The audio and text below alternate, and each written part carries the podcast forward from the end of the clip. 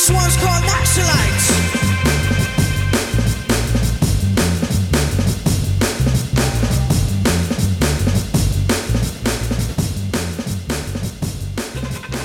czwartym odcinku Emancypacji przeniesiemy się do Indii, drugiego najludniejszego kraju świata, który nawet jeżeli podlega jakiemuś zainteresowaniu ze strony zachodniej publiczności, najczęściej, myślę, że najczęściej wciąż dzieje się to przez pryzmat takiej ezoterycznej duchowości i rozmaitych orientalistycznych klisz.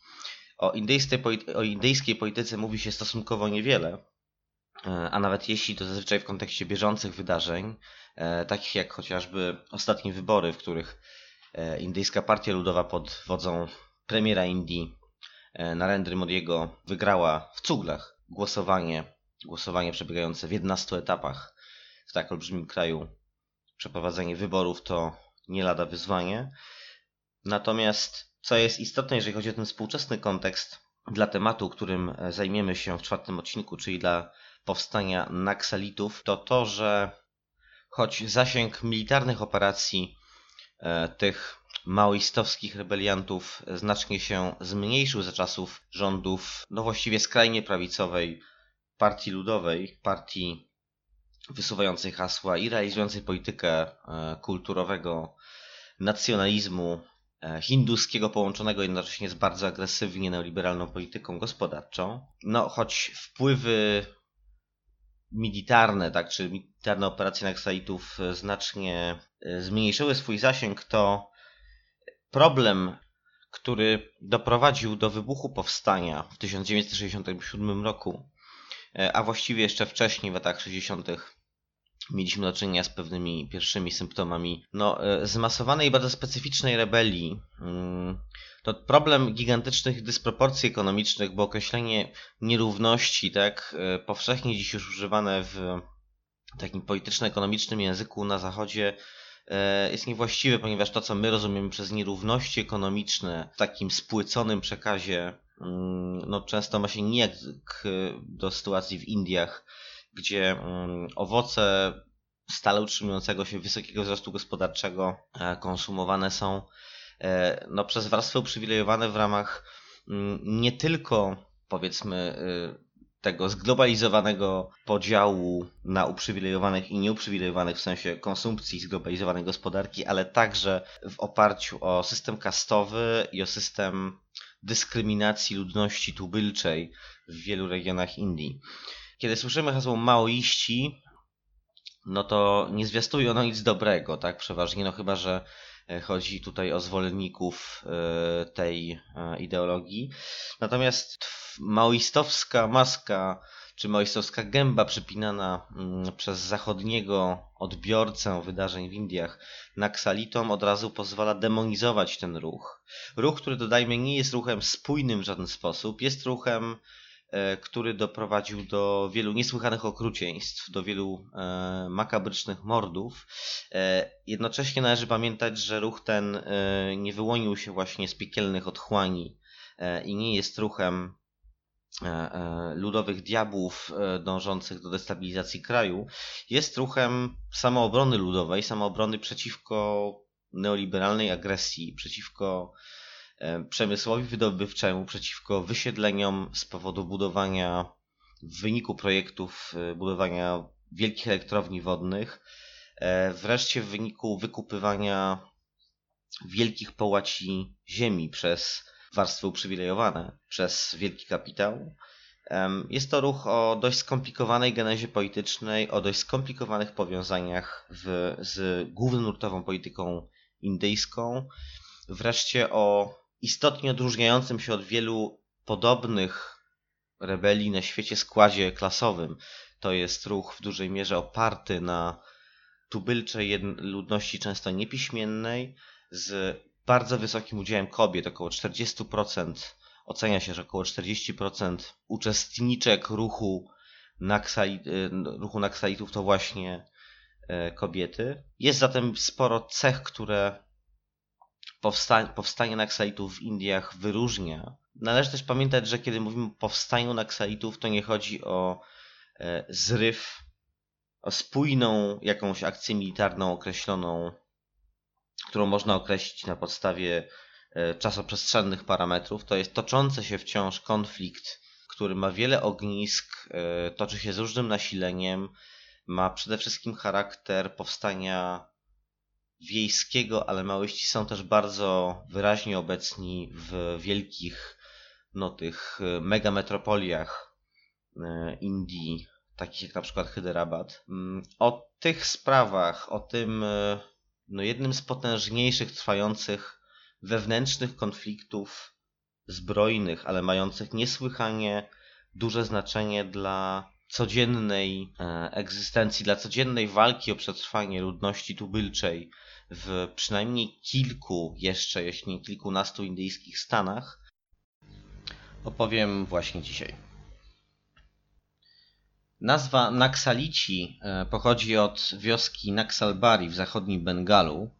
To tam e, rozpoczęła się rewolta ludowa, rewolta chłopska, którą uznaje się za początek tego wielkiego ruchu e, oporu, oporu zbrojnego, oporu społeczno-ekonomicznego, oporu kulturowego przeciwko mm, modelowi, kapitalistycznemu modelowi rozwoju Indii. E, w powstaniu tym, chłopskim powstaniu, jak wspomniałem, e, istotną rolę odegrali no, krzewiciele ideologii maoistowskiej, którzy pochodzili z miast. E, ruch lewicowy, masowe ruchy lewicowe, również te inspirowane myślą Mao Tse-tunga. Przypomnijmy, że mówimy o okresie no, wybuchu, wybuchu, czy raczej zapoczątkowania tak zwanej rewolucji kulturalnej w socjalistycznych Chinach. W Indiach również ten E, ruch, ta myśl maoistowska znalazła silny rezonans i posłuch wśród ruchów studenckich, jednak nie była to do 1967 roku e, myśl o mm, no tak brzemiennym w skutkach wpływie politycznym. Na głębokiej indyjskiej prowincji po uzyskaniu niepodległości przez ten kraj od Wielkiej Brytanii, od rozpadającego się e, wielowiekowego imperium, brytyjskiego imperium kolonialnego, Indie w pewien sposób, tak jak większość krajów, właściwie wszystkie kraje wywodzące się z, e, z kolonializmu zachodnioeuropejskiego, wdrażały prawo, albo inaczej wdrażały model rozwoju oparty na prawie kolonialnym. Spuścizna w postaci prawa kolonialnego odczuwalna jest e, w Indiach do dzisiaj. Do dzisiaj jest motorem wielu, e, wielu zjawisk społecznych, które w tym olbrzymim kraju zachodzą. E, na głębokiej indyjskiej prowincji oznaczało to tyle, że to państwo przejmowało, stawało się funkcjonalnym kolonizatorem, przejmowało funkcję nadzorczo-zarządczą, tak? I również funkcję właścicielską. Zaczynało rościć sobie pretensje do mm, bycia głównym latyfundystą.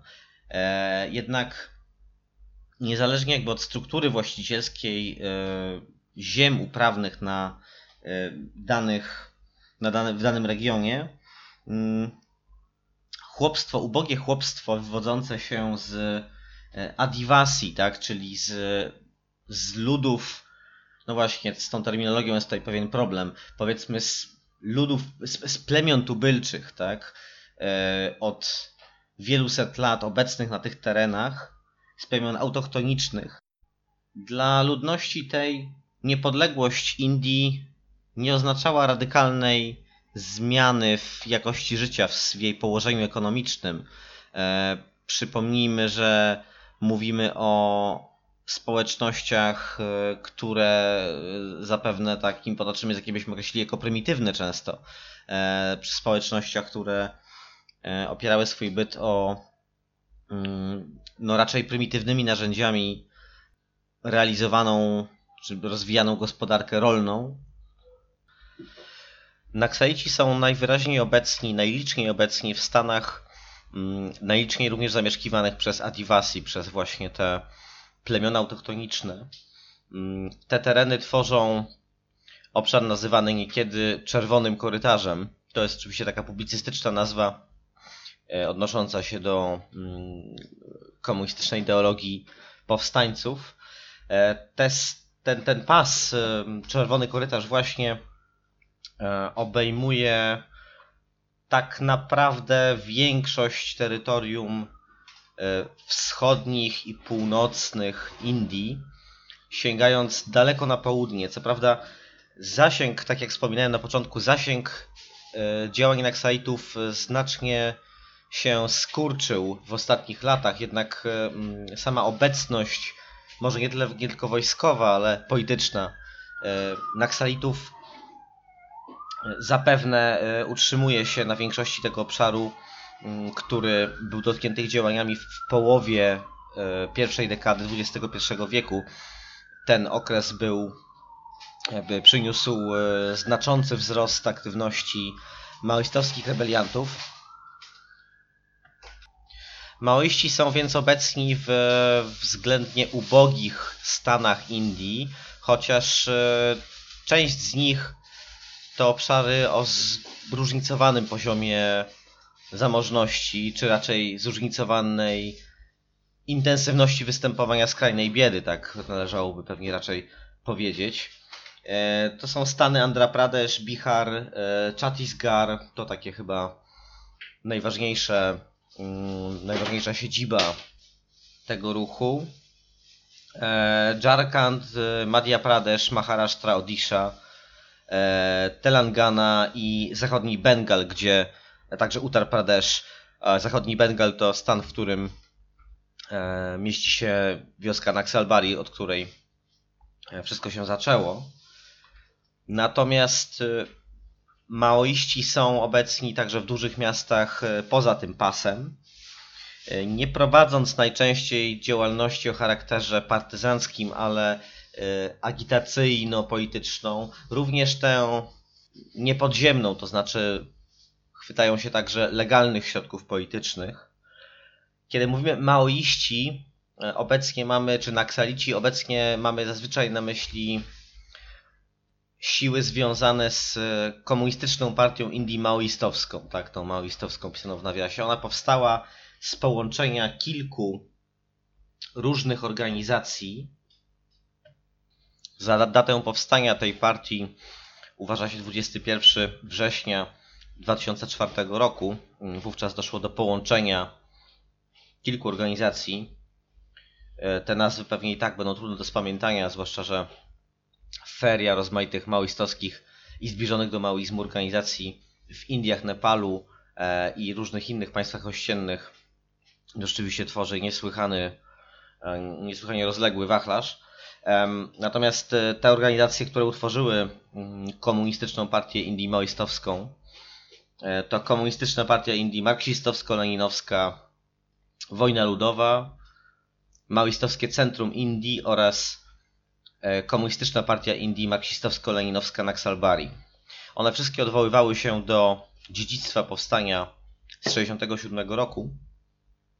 Połączone siły tych trzech organizacji w 2013 roku pozwoliły im dysponować e, gigantyczną armią. Ocenia się, że od 9 do 10 tysięcy żołnierzy, tak, ochotników, uzbrojonych, uzbrojonych w broń palną mm, było pod komendą dowódców tej nielegalnej w Indiach partii. Natomiast siłą militarną, ale też siłą społeczną Naksalitów są rozmaite milicje, rozmaite nieformalne często struktury o charakterze bojowym, ale przede wszystkim o charakterze no, plemiennej samoobrony. E, maoiści w Indiach e, to nie tylko partyzantka taka, jaką kojarzymy z obrazów popularnych na zachodzie, takich, takich które szokują zachodniego widza, to znaczy partyzanci w dżungli, ale również um, takie obrazy, które na podstawie których jeszcze, jeszcze łatwiej budować pewne orientalistyczne klisze, tak i egzotyzować ten konflikt. E, to znaczy, to są często wojownicy plemienni z łukami, używający maczet, łuków. Zanim jednak przejdziemy do samej partyzantki, samych wiejskich e, rebelii, mm, już po powstaniu czy po konsolidacji ruchu maoistowskiego, warto wspomnieć e, o jego politycznych początkach, a raczej o mm, no właśnie tej genezie politycznej, która jest skomplikowana, ponieważ e, ruch maoistowski, czy raczej w miarę spójne organizacje maoistowskie indyjskie wyłoniły się z partii o nazwie Komunistyczna Partia Indii Marksistowska. To marksistowskie, znowu, marksistowska znowu pisane w nawiasie. Ja wiem, że bardzo trudno jest spamiętać te wszystkie nazwy, to często jest coś, co e, odstręcza e, odbiorców od, e, nie mówię, że odbiorców tego podcastu, ale w ogóle odstręcza często ludzi od doszukiwania, od, od poszukiwań historycznych, od prób zrozumienia szerszego pejzażu politycznego w danym kraju. Ja mam taką perwersyjną przyjemność w mm, grzebaniu w tych wszystkich nazwach, rozłamach tak dalej. No, historia indyjskiej lewicy mm, dostarcza tutaj niezwykle wielu atrakcji. Komunistyczna Partia Indii Marksistowska to jest partia no, głównonurtowa e, od e, bardzo wielu lat. Ona istnieje od 1964 roku. Obecnie jest to partia parlamentarna, a w ostatnich wyborach utraciła nieco y, swoich parlamentarnych y, miejsc, tak, znaczy ma mniej reprezentantów w Lok Sabha. Natomiast partia ta powstała jako radykalniejszy odłam, albo inaczej, jako bardziej, mniej skłonny do współpracy z Indyjskim Kongresem Narodowym, partią władzy, przez wiele lat sprawującą władzę w niepodległych Indiach, tą partią, z którą no, związany był e, główny nurt ruchu niepodległościowego. Komunistyczna Partia Indii po wyborach, e, przepraszam, po e, uzyskaniu niepodległości początkowo miała charakter bardzo taki, no, bardzo rewolucyjny. Prowadziła, stała na czele rebelii chłopskich w stanie Kerala, nie tylko tam. Natomiast wraz z rozwojem zimnej wojny, wraz z upływem lat mm, i wraz z, ze zmieniającymi się relacjami komunistycznej partii Związku Radzieckiego z różnymi partiami, e, z różnymi siłami politycznymi e, w Azji, e, ostatecznie w komunistycznej partii Indii zwyciężył nurt E, koncyliacyjny, tak, skłaniający się raczej ku współpracy z Indyjskim Kongresem Narodowym i z centrolewicą, czy ze środowiskami umiarkowanej czy lewicującej burżuazji wielkomiejskiej. E, taki sojusz wieloklasowy był, e, stał się strategią zalecaną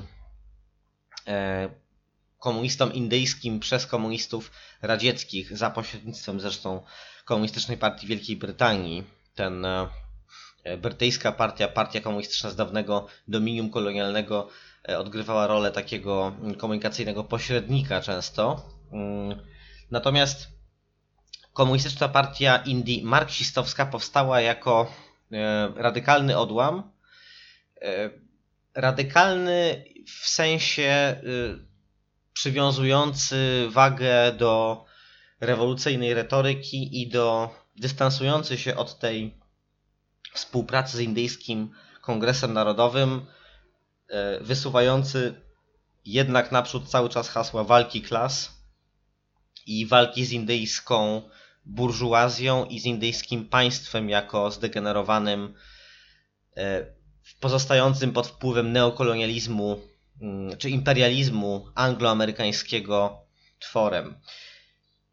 Komunistyczna Partia Indii Marksistowska nie była partią maoistowską, a przynajmniej nie była nią wprost. To znaczy w 1962 roku doszło do po, po, po okresie stosunkowo ciepłych relacji chińsko-indyjskich e, doszło do napięć na początku lat 60., które eskalowały w stronę konfliktu zbrojnego, krótkotrwałego i nieszczególnie E, no, istotnego w kontekście wielu innych dramatycznych wojen dziejących się w, w, tym czasie e, w tej części świata, w Azji Południowo-Wschodniej, jednak relacje między Chinami, Chinami pod przewodnictwem e, Mao Tse-tunga, a Indiami bardzo się popsuły, w związku z czym komuniści wyłamujący się z głównego nurtu działalności komunistycznej w Indiach,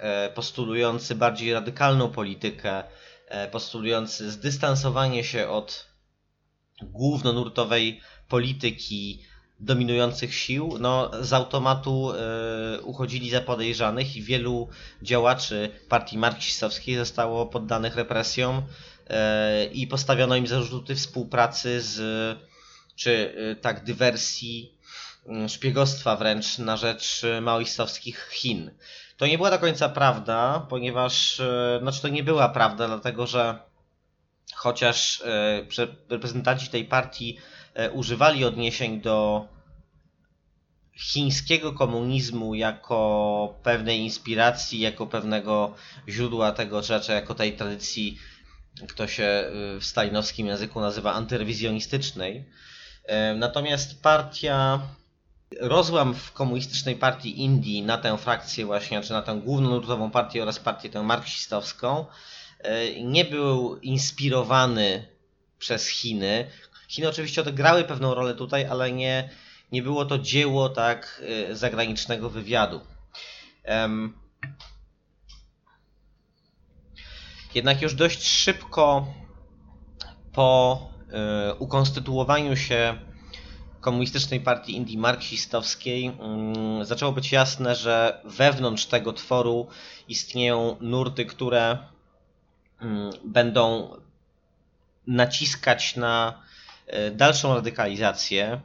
E, jednym z e, argumentów e, na rzecz dokonania rozłamu tego pierwotnego rozłamu w partii komunistycznej indyjskiej ze strony tych tak zwanych marksistów było to, że komuniści głównego nurtu jednak stawiają bardzo mocno na politykę parlamentarną, na gry gabinetowe i na no, gry dotyczące tworzenia sojuszy z partiami głównego nurtu. Y, ta nieufność wobec parlamentaryzmu mm, przetrwała w y, partii marksistowskiej w kilku odmianach, natomiast w tej radykalniejszej, ta radykalniejsza doprowadziła do kolejnego rozłamu. I właśnie w zachodnim Bengalu, wspomnianym w 1967 roku, zawiązała się frakcja, która upatrywała w spontanicznie wybuchających, znaczy spontanicznie, czy raczej no dość regularnie wybuchających nagłych rebeliach chłopskich w regionie, e, upatrywała no tej iskry, która może dać początek ogólnokrajowej e, rewolucji. Tutaj ważnymi postaciami byli Charu Majumdar i e, Kanu Sanyal, to liderzy e, komunistycznej partii Indii marksistowsko-leninowskiej, założonej w 1969 roku e, w Kalkucie, e, jako no właśnie na fali tych mm, powstań chłopskich, jako pomyślana ta partia została jako koordynacja erupcji ludowego gniewu przeciwko wielkim właścicielom ziemskim na, na, na indyjskiej wsi. Zatem organizacje maoistowskie, które wyłoniły się z komunistycznej partii Indii marksistowskiej, e, nie dość, że no, przejęły kontrolę nad zupełnie nową, czy jakby nad, no, nad nową gałęzią ruchu, um, ruchu ludowego, ruchu chłopskiego, e, a z czasem, współcześnie tak jest, z czasem stały się zaprzysięgłymi wrogami struktury politycznej, z której niegdyś się wyłoniły. E, komunistyczna Partia Indii Marksistowska to partia, która e, w różnych latach obejmowała rządy lokalne, to znaczy rządy stanowe. Indie to kraj federalny, mm, gdzie rządy stanowe mają stosunkowo dużą autonomię mm, w rozmaitych dziedzinach sprawowania władzy, kreowania polityki lokalnej. E, z czasem urzędnicy tej partii zaczęli być oskarżani przez maoistów o e, gromadzenie mm, ogromnych bogactw, o korupcję, o szereg rozmaitych wykroczeń przeciwko interesom mm, klasy chłopskiej przede wszystkim. E, I stali się przedmiotami ich, no, że tak powiem, militarnego zainteresowania, podobnie zresztą jak urzędnicy Indyjskiego Kongresu Narodowego, a także prawicowych partii, prawicowych organizacji o charakterze nacjonalistycznym.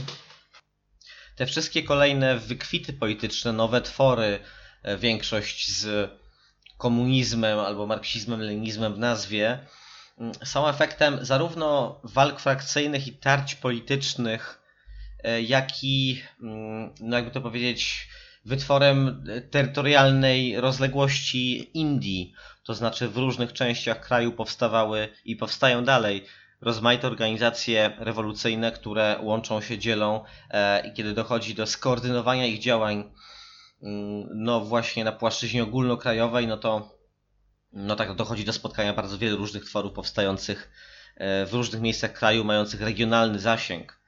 E, natomiast ta cała morfologia, cała ta systematyka polityczna ruchu maoistowskiego jest niebywale zawiła i trudna do ogarnięcia mm, umysłem niekiedy.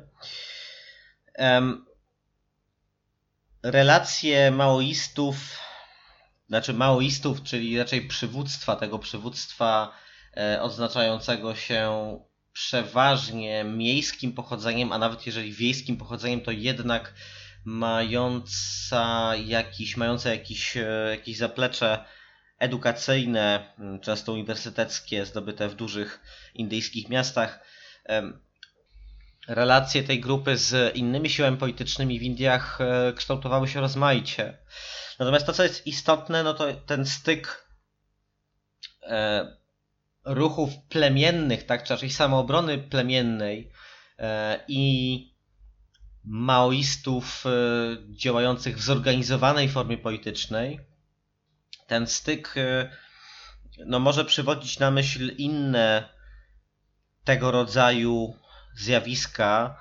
E, przypomnijmy, że ruch zapatystowski e, opisany w każdą stronę, a teraz e, jakby już pozostający poza, chyba, chyba poza sferą zainteresowań mm, radykalnej lewicy, mm, przynajmniej w Europie, pomimo trwających kampanii solidarnościowych maoiści, e, przepraszam, e, zapatyści e, w, w Meksyku nie są już tak modni jak byli w czasach mm, no jakby to ująć, świetności, czy popularności ruchu alterglobalistycznego. Przypomnijmy, że tamta mm, rebelia również zaczęła się od um, działań maoistowskiej grupy o studenckim czy uniwersyteckim rodowodzie w, na terenach wiejskich, e, na terenach e, słabo zurbanizowanych w stanie Chiapas. W przypadku Indii e, rzecz ma się trochę podobnie, to znaczy w maoistowskiej taktyce politycznej, militarnej sojusz, czy raczej sojusz, czy rewolucyjny potencjał klasy chłopskiej jest tutaj najważniejszym paliwem dla zmiany społecznej. W propagandowym, antymaoistowskim przekazie zazwyczaj pojawiają się mm, stwierdzenia tego rodzaju, że zmanipulowane chłopstwo czy zmanipulowana, e, zmanipulowana uboga ludność indyjskiej prowincji, ta ludność e, plemienna, Adivasi, mm, pod wpływem maoistów e, tak naprawdę działa przeciwko sobie, e, daje się wikłać w bezsensowną przemoc, e, w wyniku której narażona jest no, no jej przedstawiciele narażeni są po prostu na śmierć czy wypędzenia mm, zarówno z rąk maoistów, jak i z ręki paramilitarnych organizacji takich jak Salva Judum. To są no o Salva Judum to jeszcze może za chwilę, Natomiast, no właśnie, to chłopstwo stara się e, rząd indyjski rozgrywać, tak?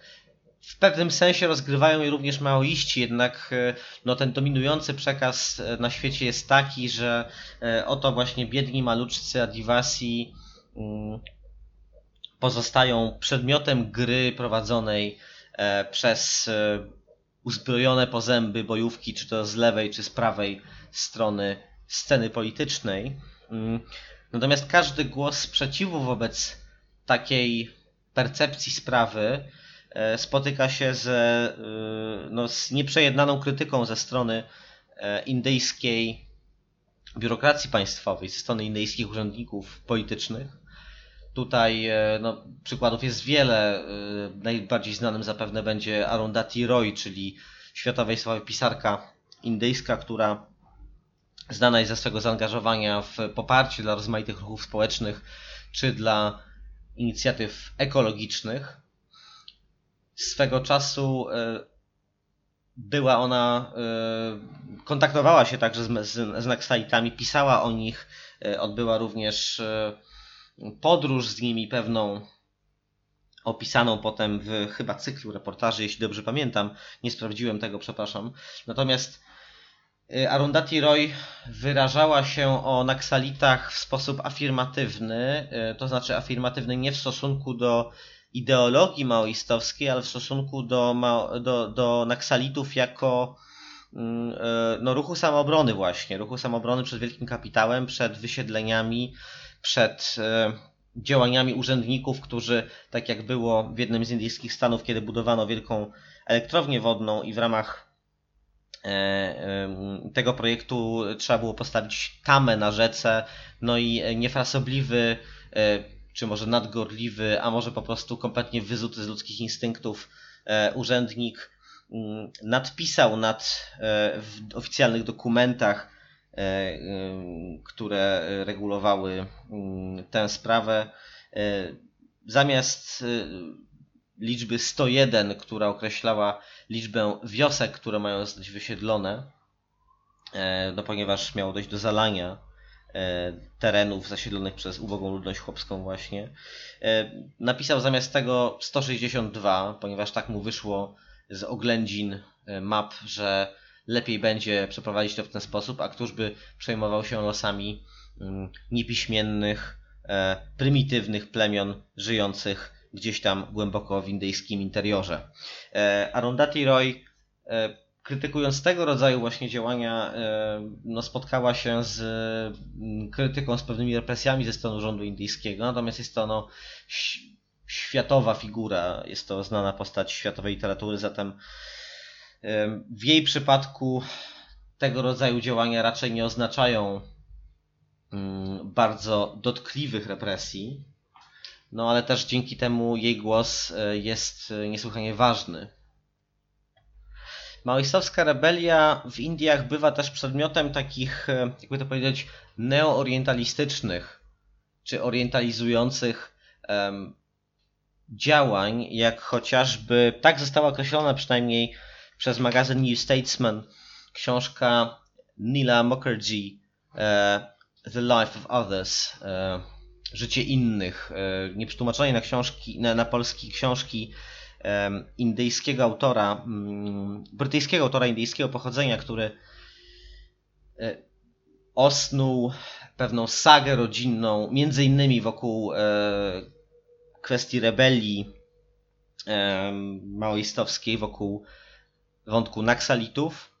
Tam chodzi o konflikt braci wywodzących się z zamożnej, ale e, e, biedniejącej rodziny i to biednienie odsłania, że tak powiem, taką, takie podstawowe humanistyczne wartości w tej wspólnocie i tak dalej. To jest taki mocno orientalizujący przekaz, który przede wszystkim pokazuje chłopstwo, um, ubogie chłopstwo Adivasi jako tego zbiorowego, tragicznego bohatera. I taki jest też przekaz którym pobrzmiewają takie, powiedziałbym, fałszywie pacyfistyczne nuty, tak? To znaczy takie, w których taki przekaz, który, mm, którego autorzy starają tłumaczyć się nam, że e, no, najważniejszy jest spokój, Indie kojarzą się spokojem, Gandhi, wiadomo. E, Gandhi, co prawda, który, mm, którego taktyka non-violent non, non, rzeczywiście odegrała olbrzymie znaczenie swego czasu i wpłynęła znacząco i wpływa dalej na działania ruchów społecznych na całym świecie, ale Gandhi, e, który sam od przemocy w pewnych, e, na pewnych etapach swojego życia nie stronił, był też jednak głównonurtowym politykiem. E, wiemy, że jest, że był oskarżany mm, i chyba zupełnie słusznie o, jeszcze w czasach, kiedy przebywał w południowej Afryce, o głęboko rasistowskie skłonności. Mówi się również o tym, że molestował dzieci. Małe dziewczynki. Mm, Gandhi jako taki właśnie orientalistyczny bohater bez skazy, który ze stoickim spokojem i taką głęboką refleksją podchodzi do wszystkiego, jest myślę takim właśnie fałszywym, fałszywym obrazem, czy raczej pewnym uproszczeniem, e, jakie aplikuje się do e, rozumienia indyjskiej polityki. Faktem jest, że w Indiach toczy się po prostu wojna domowa. E, o ile dość często mówi się o mm, muzułmańskim terroryzmie w Indiach, no to kwestia powstania naksalitów bywa raczej pomijana. Sami naksalici odnoszą się do muzułmańskiego terroru religijnego czy muzułmańskiego terroru politycznego e, jako do może potencjalnego sojusznika, tak powiedzmy, to znaczy nie prowadzą z tego co mi wiadomo żadnych wspólnych operacji, czy to wojskowych, czy propagandowych, wspólnie z ugrupowaniami islamistycznymi, jednak e, w rozmaitych przekazach opisują e, islamskich fundamentalistów jako czy po prostu islamskie grupy zbrojne jako grupy o charakterze antyimperialistycznym, a zatem będące po tej samej stronie barykady na najogólniejszym poziomie, co właśnie naksajtowskie organizacje.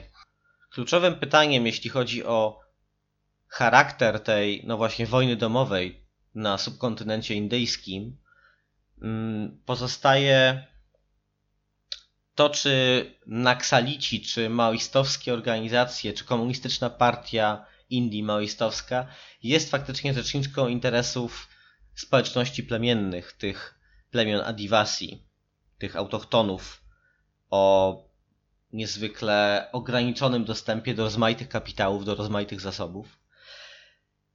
W mojej opinii e, jest ich rzeczniczką, jednocześnie jest też agresorką, e, która zgodnie z no, pewnymi ultralewicowymi tendencjami, e, kieruje się bardzo brutalną logiką wojny chłopskiej, no w tym takim właśnie maoistowskim wydaniu, gdzie kto nie jest z nami, ten jest przeciwko nam. Natomiast kiedy spojrzymy na historię powstania i historię, historię militarną tych konfrontacji, no to zobaczymy, że jednak e, ofiarami, zwłaszcza w tym XXI wieku, tak, kiedy nasileniu legły konflikty na linii maoiści rządy Indii, że większość ofiar no to są jednak albo, albo e, paramilitarni, e, albo żołnierze. Dopiero co w 1 maja w wyniku ataku naksalitów na konwój e, chyba na konwój. W każdym razie na, na jakąś je, przemieszczającą się jednostkę wojskową indyjskiej armii zginęło 15 komandosów. Oczywiście jest mnóstwo ofiar cywilnych, ale cywile giną przede wszystkim jednak z ręki bojówek e, paramilitarnych, które, takich jak Salva Judum, które zastraszają e, lokalne społeczności Mm, aby powstrzymać się przed e, wstępowaniem w szeregi komunistycznej partii Indii, maoistowskiej i innych sprzymierzonych organizacji, co często przynosi zresztą zupełnie odwrotny skutek.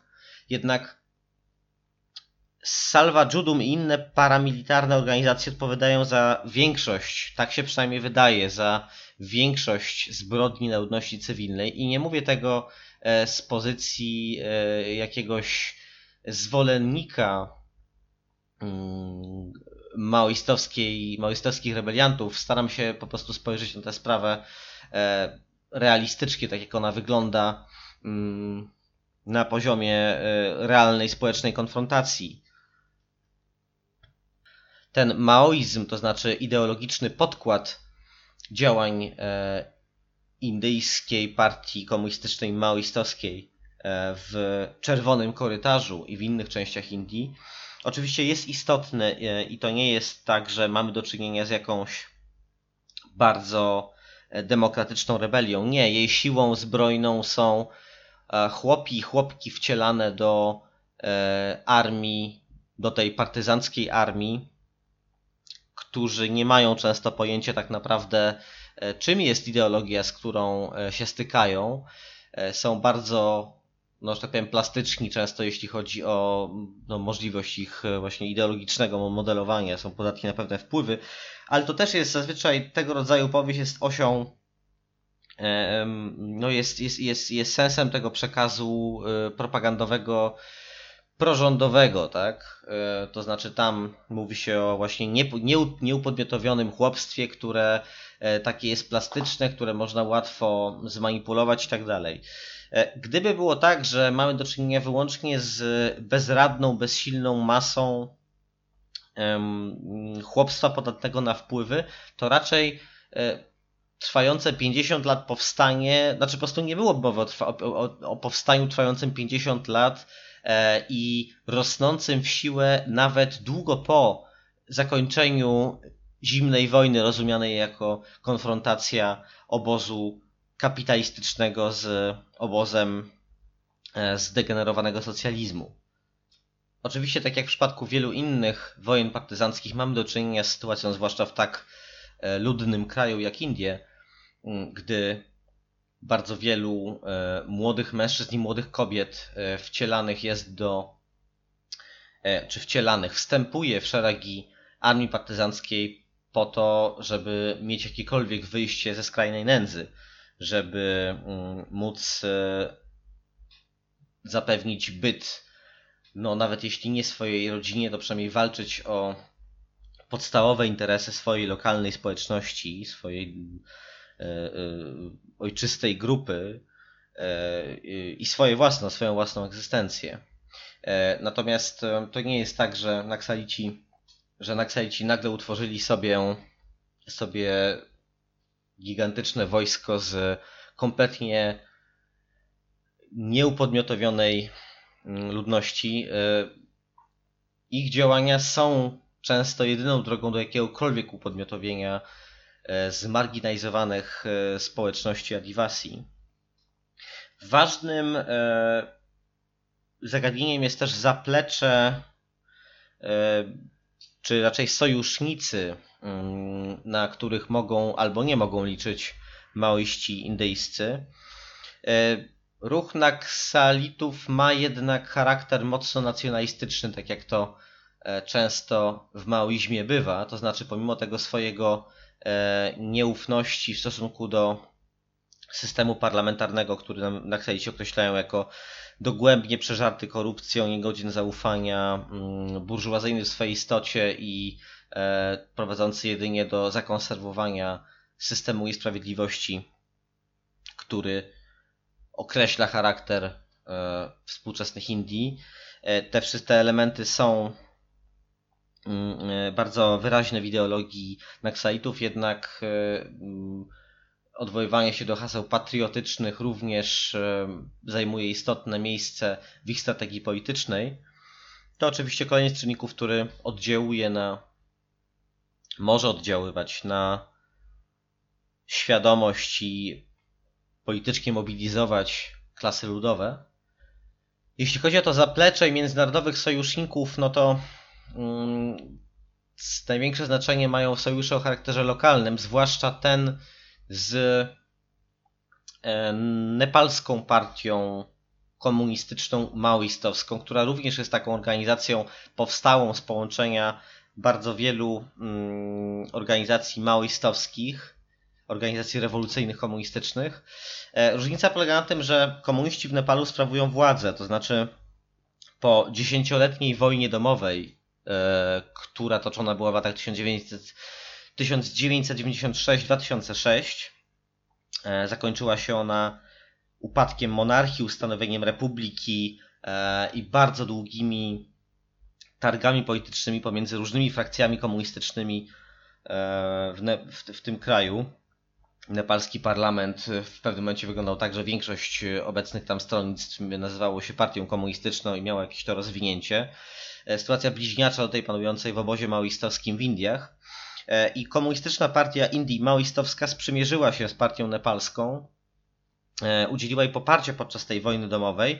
No i właśnie na lata 2005 do 2007 roku, mniej więcej na ten okres przypadła największa eskalacja powstania maoistowskiego w Indiach.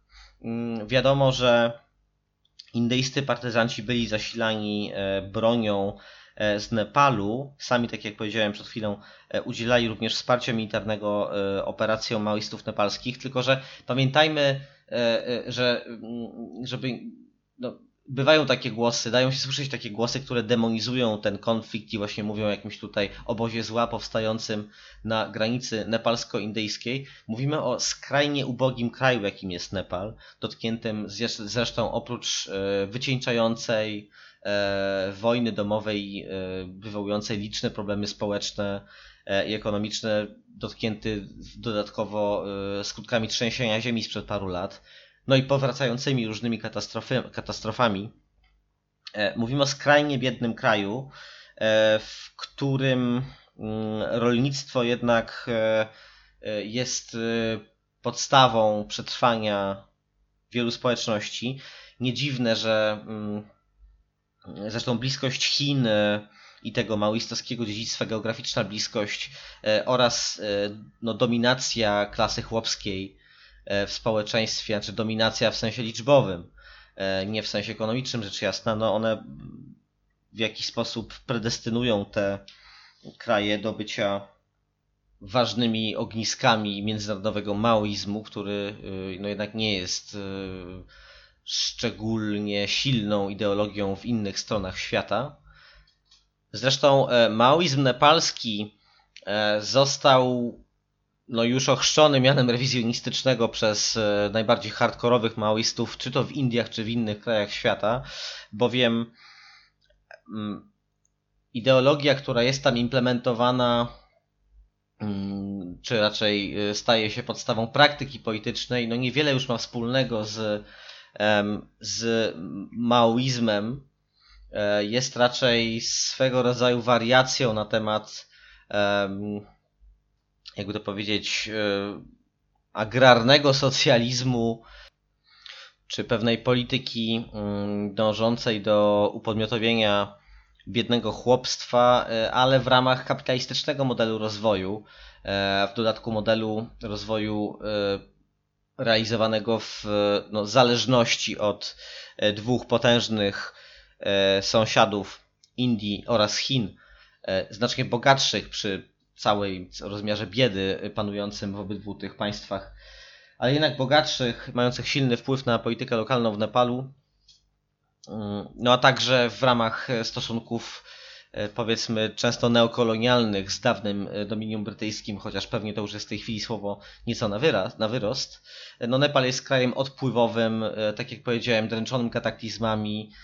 Znaczna część gospodarki opiera się na turystyce himalajskiej, E, która z tego co rozumiem e, jest sferą no, wolnej Amerykanki mm, uprawianej przez e, zachodnie korporacje turystyczne niekiedy.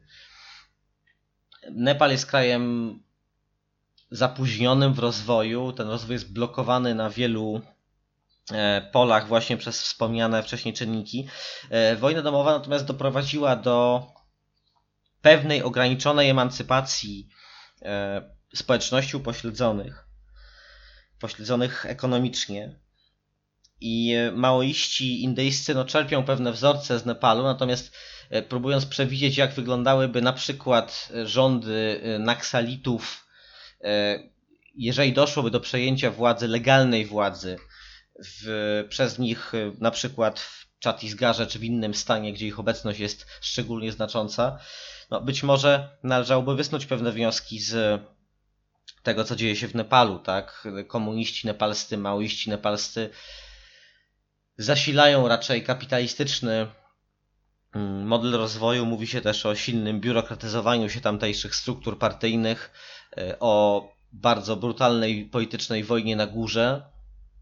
Mm, nie ma nic wspólnego Nepal e, rządzony przez maoistów na pewno z E, Chinami okresu rewolucji kulturalnej, które też e, usiłuje się przeważnie pokazywać jako czas jakiegoś, nie wiem, masowego, masowej psychozy, zaślepienia ideologicznego. Nie mówi się o tym, że był to okres wojny domowej właściwie pomiędzy różnymi frakcjami partii komunistycznej, różnymi frakcjami Czerwonej Gwardii, różnymi ruchami odśrodkowymi i ruchami wewnątrz obozu władzy. Mm, to nie był czas e, masowego jakiegoś po prostu ezoterycznego kultu, e, tak, wielkiego sternika Mao Tse-tunga. Była to rzecz znacznie bardziej skomplikowana, e, której nie należy sprowadzać ani tylko do rozgrywek w obrębie aparatu partyjnego, ani też do kwestii, no właśnie tego, jakiejś takiej masowej po prostu choroby psychicznej. Mm, być może rządy maoistów, nie ma co tak gdybać, ale wiele przemawia za tym, że zinstytucjonalizowane rządy maoistów indyjskich mogły podążać tym nepalskim szlakiem. Natomiast maoiści e, indyjscy nie są obecnie skłonni do przechodzenia na pozycje legalistyczne, zwłaszcza, że e, przeciwko temu są też władze Indii. Władze Indii, przypomnijmy, które e, buduje dzisiaj Narendra Modi, mm, konserwatywny, ultranacjonalistyczny e, Hindus, który mm, no, pozostaje nieprzejednany w stosunku do, e, do maoistów. E, bardzo niedawno, jeszcze pod koniec zeszłego roku, wygłosił on na takim dużym wiecu. To było chyba w Chhattisgarze czy w Madhya Pradesh, w każdym razie w jednym ze stanów, gdzie czy w Jarkandzie, w Jarkandzie chyba, w stanie, gdzie maoiści mają e, bardzo, odgrywają bardzo znaczącą rolę, są tam silni militarnie, mają pewne zaplecze społeczne, które jest trwałe. Wygłosił tam bardzo ostre komentarze, które spotkały się z mm, szeroką i ostrą krytyką ze strony Indyjskiego Kongresu Narodowego, czyli tej partii przez lata rządzącej partii władzy o charakterze no mówi się, że centrolewicowym, ale powiedziałbym raczej, że jest to um, typowa partia no takiej raczej świeckiej burżuazji e, gdzie jakby istotną rolę odgrywają takie frakcje w sposób ograniczony postępowe, jednak jakieś tam postępowe. E, no, e, Modi oskarżył e, Indyjski Kongres Narodowy o mm, sprzyjanie maoistom, o chronienie ich, zwłaszcza na terenach miejskich. To znaczy, premier Indii zarzucił głównej partii opozycyjnej, że mm, no, gdzieś tam korzysta ona z przymierza, zarzucił istnienie takiego przymierza i Y, imputował kongresowi odnoszenie korzyści ze współpracy z maoistami, to spotkało się z oburzeniem liderów partii e, Kongresu Narodowego, którego politycy w przeszłości e, często padali ofiarami zamachów ze strony maoistów, ze strony naksalitów, a także Indyjski Kongres Narodowy y, zainicjował operacje militarne, szeroko zakrojone operacje militarne przeciwko naksalitom. Niezależnie od tego, czy maoistowska rebelia w Indiach mogłaby zmierzać do przeistoczenia się w instytucjonalne rządy podobne do tych, które w Nepalu sprawują maoiści pod kierownictwem Prachandy. Zresztą mm, ideologia mm, kultywowana przez nich e, została oficjalnie nazwana marksizmem, lenizmem, maoizmem, drogą Prachandy. Mm, droga Prachandy jest nie mniej ni więcej, tylko no jednak e, maoistowską, czy jakby to powiedzieć, postmaoistowską wariacją na temat e, socjaldemokracji, czy raczej e, po prostu zachłyśnięcie się kapitalizmem. Ciężko powiedzieć, czy ten sam los czekałby maoistów w Indiach i zamiast gdybać w ten sposób, pewnie warto jednak zwrócić uwagę na fakt podstawowy. Powstanie Naksalitów w Indiach, pomimo przykręcenia śruby militarnej przez rząd Indii, e, na pewno nie jest czymś, co zakończy się w najbliższych latach. Mamy do czynienia jednak tam z walką o godność, e, z bronią w ręku, podejmowaną przez e, skrajnie zmarginalizowane grupy. Grupy, dla których udział w, tej, w tym powstaniu często oznacza, i to jest szczególnie istotne w przypadku kobiet, które stanowią tak potężną część ruchu maoistowskiego w Indiach, e, oznacza upodmiotowienie poprzez możliwość porzucenia tego podstawowego wymiaru ograniczeń kastowych, to znaczy e, w tym specyficznym autorytarnym jednak bardzo, ale mm, na poziomie deklaratywnym i na poziomie jakby podstawowej praktyki, no bardzo takim zmierzającym w kierunku radykalnie pojmowanej równości maoistowskim paradygmacie ideologicznym, no nie ma miejsca na te kastowe zależności. Oczywiście one są reprodukowane w tym systemie, co widać chociażby w hierarchii wojskowej, co widać w mm, sposobie organizacji życia gospodarczego na terenach kontrolowanych przez Naxalitów. Jednak e, możliwość porzucenia opresji kastowej, której mm, mm, która ma charakter opresji klasowej, ale jeszcze sankcjonowanej religijnie, jeszcze sankcjonowanej poprzez pewien Mm, system jakby wierzeń ludowych i wielowiekowych tradycji, no to jest y, niesłychanie ważny czynnik, który pozwala na zasilanie maoistowskiej partyzantki w Indiach przez e, tysiące, miliony, e, no może nie miliony, przesadziłem tutaj grubo, ale tysiące mm, partyzantów chłopskiego pochodzenia.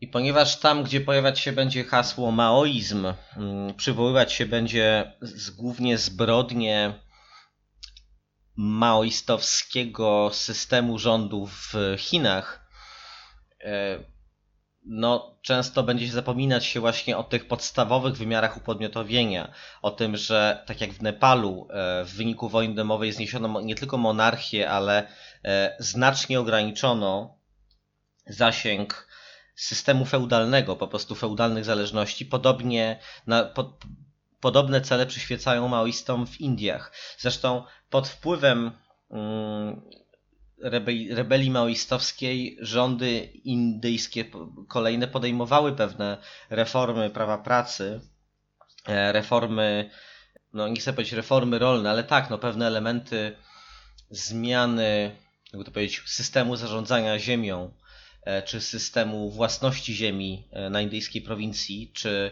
gospodarki leśnej. To jest też niezwykle ważny aspekt, który często pojawia się w różnych reportażach dotyczących, dotyczących maoistów, naksalitów, czy społeczności plemiennych w Indiach. Własność gospodarki, czy własność zasobów leśnych, pewne podejście do tych zasobów jako dobra wspólnego, a nie Mm, grodzonych zasobów e, pozostających w rękach dużych korporacji czy innych podmiotów gospodarczych, no to jest e, coś, o co, mm, o co walczą Naksalici również. Jednym z takich, e, z takich inicjatyw podjętych przez rząd indyjski w 2005 roku chyba była tak zwana NREGA, to jest skrót od nazwy systemu jakby nowego kodeksu, czy nowego prawa zarządzającego kwestią zatrudnienia w rolnictwie, zatrudnienia na wsi. Tam w tym programie pojawiła się kwestia prawa do pracy, prawa do godnej pracy. E, to był znacząco to było znaczące osiągnięcie, znacząca nowość w systemie zatrudnienia w indyjskim rolnictwie, która dawała nadzieję wielu e, bezrolnym chłopom, chłopkom na mm, znalezienie dobrze, relatywnie dobrze płatnej, czy powiedzmy y, płatnej w sposób umożliwiający przeżycie mm, pracy w sektorze rolnym, e, jednak e, transfery pieniężne, koszt realizacji transferów pieniężnych w ramach tego programu e, był znacznie wyższy niż korzyści, niż, niż bezpośrednie korzyści odnoszone przez beneficjentów tego E, programu, mm, tak to nazwijmy. Mówi się też, że Enrega stała się gigantycznie skorumpowana już od samego początku i był to system bardzo nieszczelny, z którego większość pieniędzy po prostu trafiało w ręce skorumpowanych urzędników. Tak mówią krytycy tego, tego systemu. Niemniej e, należy odnotować fakt przeprowadzania pewnych reform przez rząd indyjski właśnie pod wpływem masowego i trwającego dekady buntu ludności chłopskiej, który jest, no według mnie jest jednak przemilczany przez e, media na świecie, jest stosunkowo rzadko komentowany. Oczywiście on też e, pewnie trudniej jest śledzić ten, ten, e, to powstanie niż wiele innych wiele innych buntów, powiedzmy, w bardziej eksponowanych medialnie regionach świata, łatwiejszych do spenetrowania jednak niż indyjska dżungla. Jednak według mnie rola, jaką Indie odgrywają w globalnym podziale pracy, rola, jaką Indie odgrywają w, no, w przyszłości świata, w podaży siły roboczej, w kwestiach e, związanych z ochroną środowiska, e, zasługuje na to, żeby o powstaniu Naxalitów mówić i mówić o jego rozwoju. Zwłaszcza, że tu nie chodzi tylko o powstańców, ale również o to, co e, realizuje na terenach objętych ich działaniem rząd Indii, bo to nie tylko programy takie jak NREGA, programy o bardzo ograniczonej efektywności i jednak bardzo korupcjogenne, tak jak wspomniałem, podatne na e, rozmaite deformacje i tak dalej, e, ale także mm, niesłychana przemoc, której dopuszcza się rząd, której dopuszcza się rząd Indii. Jedną z kluczowych spraw jest tutaj reakcja paramilitarna, która szkolona jest za pieniądze rządowe.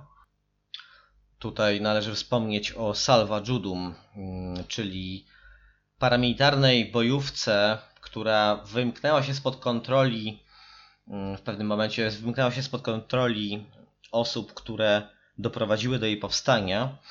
To jest również ludowa samoobrona o charakterze antymaoistowskim, zaangażowana w krwawą, niesłychanie brutalną e, wojnę z Naksalitami.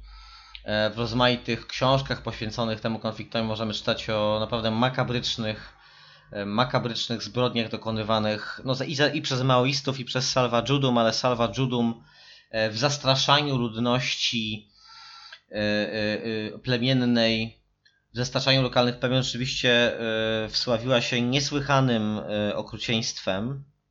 To znaczy tak dokonywanie mordów na oczach bliskich po to, żeby odstraszyć ich od odwieść ich od e, wstępowania w szeregi maoistów. Mm, Salva Judum to znaczy mm, Marsz Pokoju albo w lokalnym języku Gondi, e, języku plemiennym e, na angielski tłumaczone jest jako Purification Hunt, czyli e, oczyszczające polowanie, coś takiego, e, wielce znamienna e, ta nazwa. Założycielem Salva Judum był niejaki Mahendra Karma, to był lokalny lider e, Kongresu Narodowego, Indyjskiego Kongresu Narodowego, który w ramach którego Salva Judum niejako wyniosła do wysokich pozycji partyjnych na płaszczyźnie stanowym i nawet ogólnokrajowym. On został zamordowany w 2013 roku w obławie E, zorganizowanej przez Naksalitów. On przez lata podlegał ochronie rządowej, nawet wtedy, kiedy Indyjski Kongres Narodowy nie był u władzy, e, to Mahendra Karma mógł liczyć na wsparcie e, władz ogólnokrajowych czy władz stanowych, dlatego że mm, był zaciekłym antymaoistą. To był taki lider plemienny, typowy lokalny kacyk, który dzięki zaangażowaniu paramilitarnemu zbudował istotny kapitał polityczny.